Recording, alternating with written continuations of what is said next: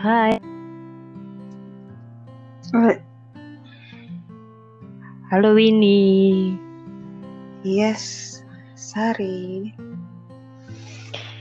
Aku ada ini ada episode tentang HTS. Oke. Gue mau nanya lo, Hmm, menurut lo HTS itu apaan sih? Udah tahu dong? Apa udah pernah? udah tahu dan udah pernah. Jadi apa yang mau diketahui Itu-? Banyak, banyak Winnie. Kayak gue tuh Hmm. pengen tahu ya. eh, HTS tuh beda nggak sama friendzone atau butuh nggak sih HTS tuh komitmen? Tadi gue bahas satu-satu.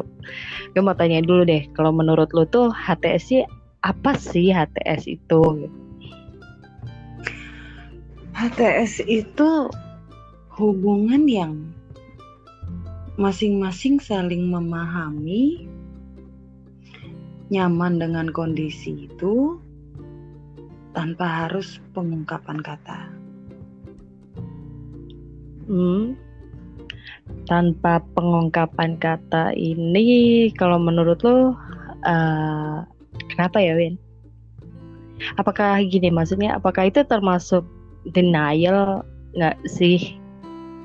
No. Atau karena uh, awkward mereka takut akan nanti jadi apa ya? Something rebound. Kayak mereka takut tuh kalau mereka salah satu dari mereka mengungkapkan ntar jadinya nggak enak di belakang gitu loh kayak gitu nggak sih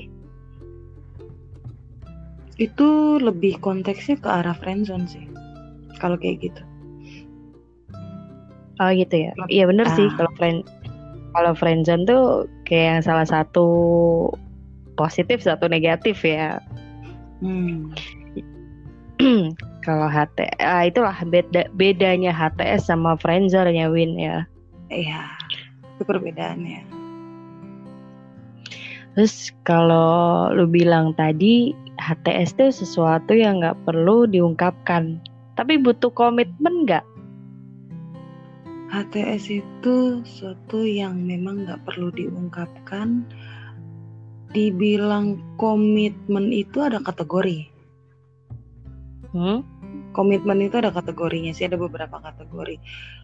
Kalau gue ngambil generalisasinya itu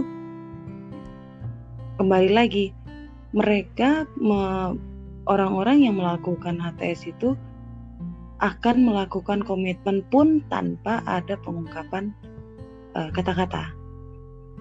Hmm, jadi Kalau kayak mereka tuh lebih menghormati gitu ya. Ya, kalau friendzone itu jelas tidak bisa eh, bicara komitmen. Intinya ha, yang satu intinya nggak mau ya kalau friendzone ya. Hmm. Nah, lanjut lagi komitmen dalam HTS itu, Wen. Hmm. Gue masih masih ini loh, masih bingung suatu hubungan yang tanpa status, tapi mereka dituntut untuk berkomitmen. Itu gimana sih? Kayak body language nggak sih? Body language kalau untuk HTS. tanpa komitmen komitmen tuh yang kayak apa ya Wen gue lebih asli gue bingung. Kalau komitmen dalam HTS kalau komitmen orang berpacaran tuh jelas ya kan? Karena lu pacar gue lu, gue nggak suka lu gini gini dan gini gini tapi ketika itu terjadi dalam HTS dan lu benar-benar dituntut untuk berkomitmen itu kayak kita harus sadar sendiri gitu nggak sih? Iya, Kayak Kita harus- yang kita tuh harus sendiri. harus jaga perasaan.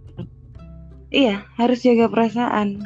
Kalau friendzone itu kan dia lebih free ya, lebih free, eh lebih general, lebih bodoh amat gitu ya? Bodo amat gitu. Kalau kalau HTS itu kan lebih banyaknya dibilang pacaran enggak deket banget sayang iya.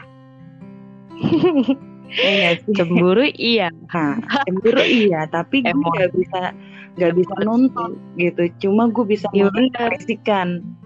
Nah, lebih ngeri lagi kalau udah emosi minta putus eh siapa lu ya nah, anjay Jangan kan ya, ya, serumit putus, itu. kita komplain dengan uh, emosi kita, kita komplain dengan uh, Nggak gue nggak bisa. suka, gue nggak suka cara lu, gue nggak suka. Istilahnya itu pengalihan kata-kata dari kata cemburu.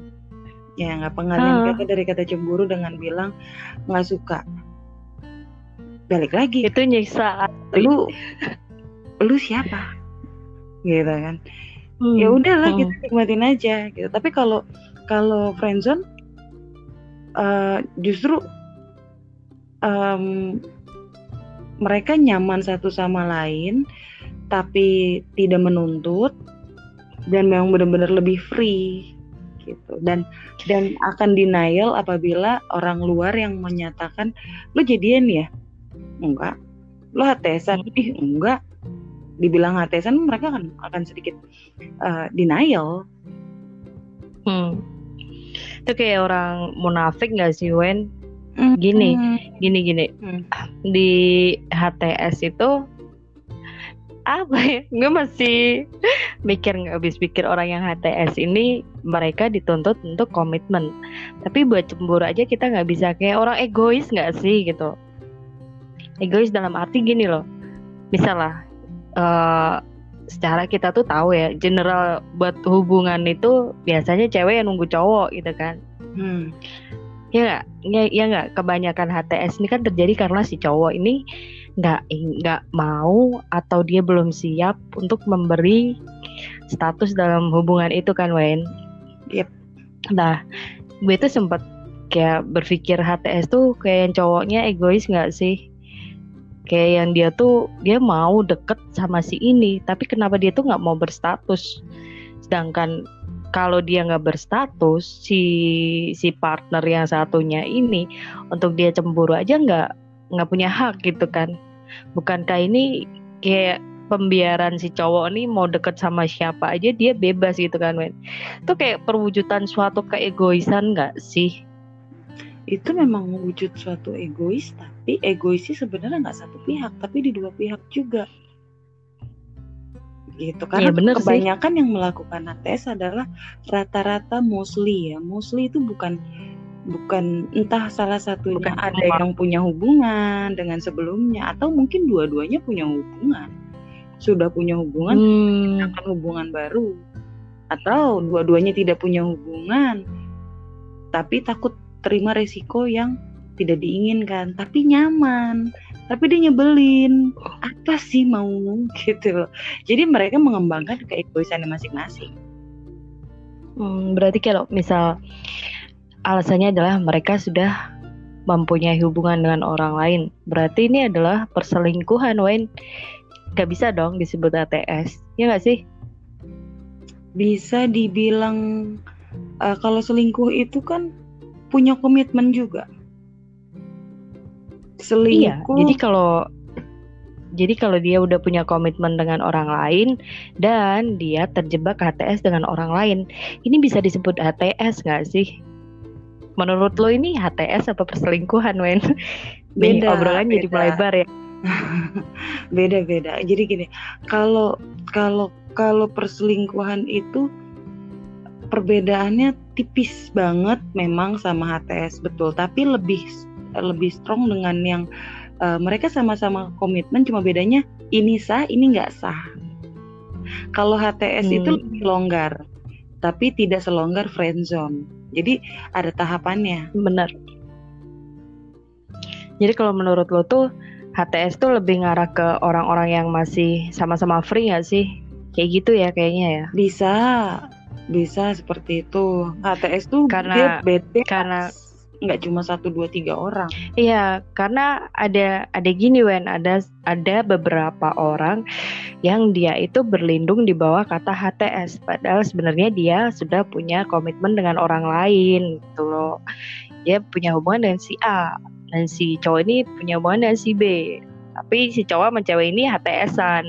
Mereka nggak mau disebut perselingkuhan gitu loh Wen. Kan ada yang kayak gitu. Berarti mereka ini nggak kategori HTS ya betrayal kalau menurutku ya nggak sih ini pengkhianatan kalau ini bukan HTS Memang kalau yang gue lihat kalau yang gue lihat HTS itu enaknya enak banget, nyeseknya nyesek banget, kangennya kangen banget, cemburunya iya, tapi kita nggak bisa apa-apa gitu. Hampir sama ya, Hampir Wen. sama, cuma kalau selingkuh kan kita bisa dengan lebih bebas lagi meluapkan emosi. Ya benar, kalau perselingkuhan tuh berarti kita udah sama-sama ngerti ya Hmm. apa yang kita mau Hmm, gitu loh. Apa yang tidak dan ada- apa yang tidak dan apa yang iya.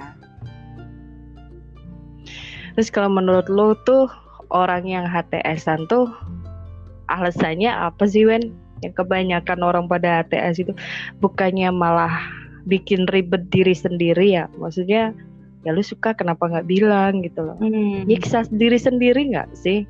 Menurut lu tuh orang-orang yang punya pikiran mereka menjalani HTS yang menyiksa itu karena apa sih? nyaman,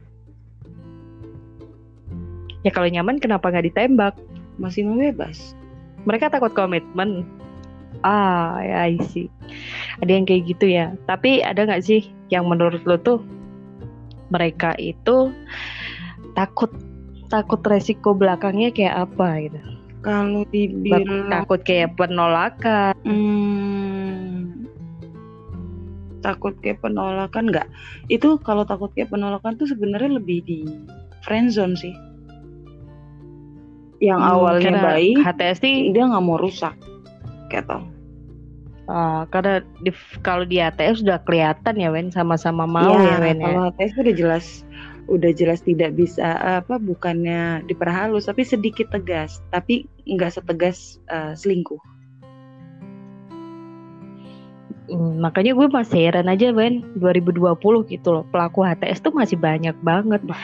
Ya mereka tuh masih pusing masih nyesek masih galau. Lu lihat Instagram deh kan banyak yang galau-galau gitu karena HTS kan. Terus kalau menurut lo tuh HTS termasuk dalam denial nggak? Denial dalam apa nih? denial dalam arti gini eh, ah nggak ah masa sih gue suka sama dia gitu atau kayak dia tuh takut kalau dia tuh cuma baper doang gitu loh. Pasti sih dia juga punya perasaan yang sama gitu kan. Jadi kayak malah menghalangi dia sendiri untuk apa ya memberi status ke hubungan mereka gitu loh. Denial sendiri jadi kayak mereka tuh belum belum action tapi udah kayak takut gitu loh. Ah nggak ah nggak mungkin ah dia tuh suka sama gue gitu Nah itu di friendzone kategorinya.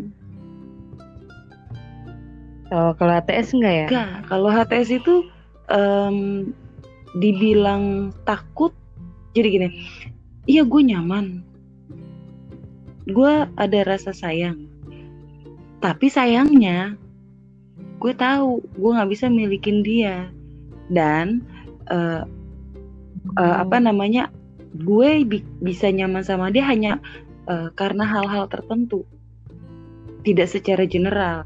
Hmm. Tapi kalau kalau friendzone itu le- justru yang lebih bebas tapi lebih banyak denialnya. Gue akuin lebih lebih banyak denialnya. Ah masa sih dia suka sama gue kayaknya Hmm. enggak deh. Ya kita kan cuma temen.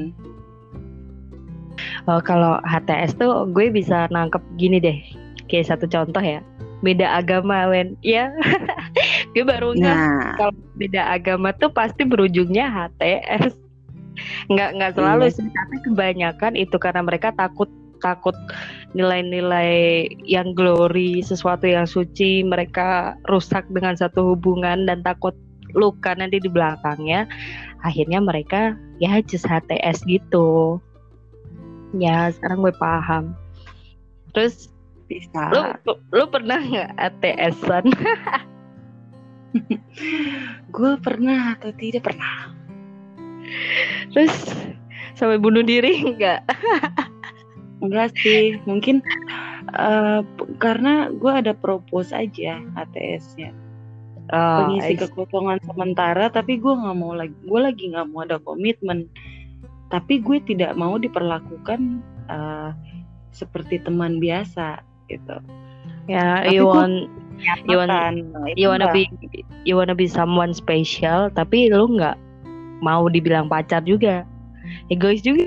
ya oh of course lama-lama gue nyimak kayak gini tuh HTS jadi kayak makin lama makin jadi kayak toxic nggak sih? Racun nggak sih buat diri sendiri?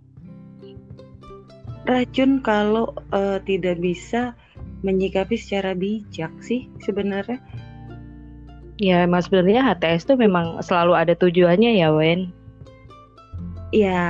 Karena kan punya karena profil. iya karena kedua belah pihak itu sebenarnya sudah sama-sama nangkap sinyal. Cuman mereka kayak punya tembok masing-masing, entah itu apa ya kan. Namanya juga tanpa status mm. kan untuk dikomunikasikan tuh juga susah mm. gitu. Mm Terus lo ada nggak pesan-pesan buat para HTSers sini? Eh HTSers buat para pelaku HTS buat para pelaku HTS sukseskanlah selalu. Sampai tujuan kalian tercapai. Anjay. tujuan Dan biasa ini. Biasa eh, itu tujuan. Bos hubungan kalian gak ada tujuan tapi jadikanlah suatu keuntungan.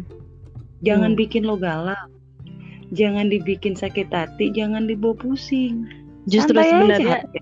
Eh justru sebenarnya esensial dari HTS itu sakit tuh ya enggak sih karena mayoritas ya, mereka yang iya giliran serius buat diri dia sendiri itu nah, karena giliran serius mereka flat karena hmm. habis hmm. habis di masa HTS itu hmm, kurang, ibaratnya ya, kurang greget ya kasar itu Hmm, kasar katanya tuh lu ke uh, lu PDKT-nya kelamaan.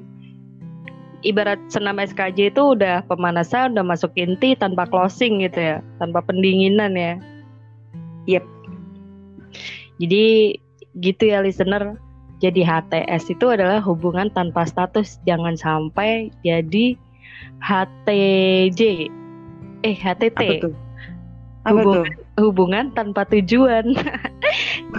tahu ini satu HTS pun harus punya tujuan minimal oh. Minimal lu dapat benefit gitu kan yes harus ada benefitnya kadang lu rugi buang-buang perasaan lu lagi sebenarnya udah tahu rugi sih Wen cuman karena enak aja dilakuin gitu kan hmm. nikmat Setuju. tapi Benar. sakit tapi nikmat lah itulah HTS ya udahlah Wen gitu. Oke oke, makasih ya buat waktunya. Oke. Next time Sama-sama. join lagi ya. Bye. Ya, bye.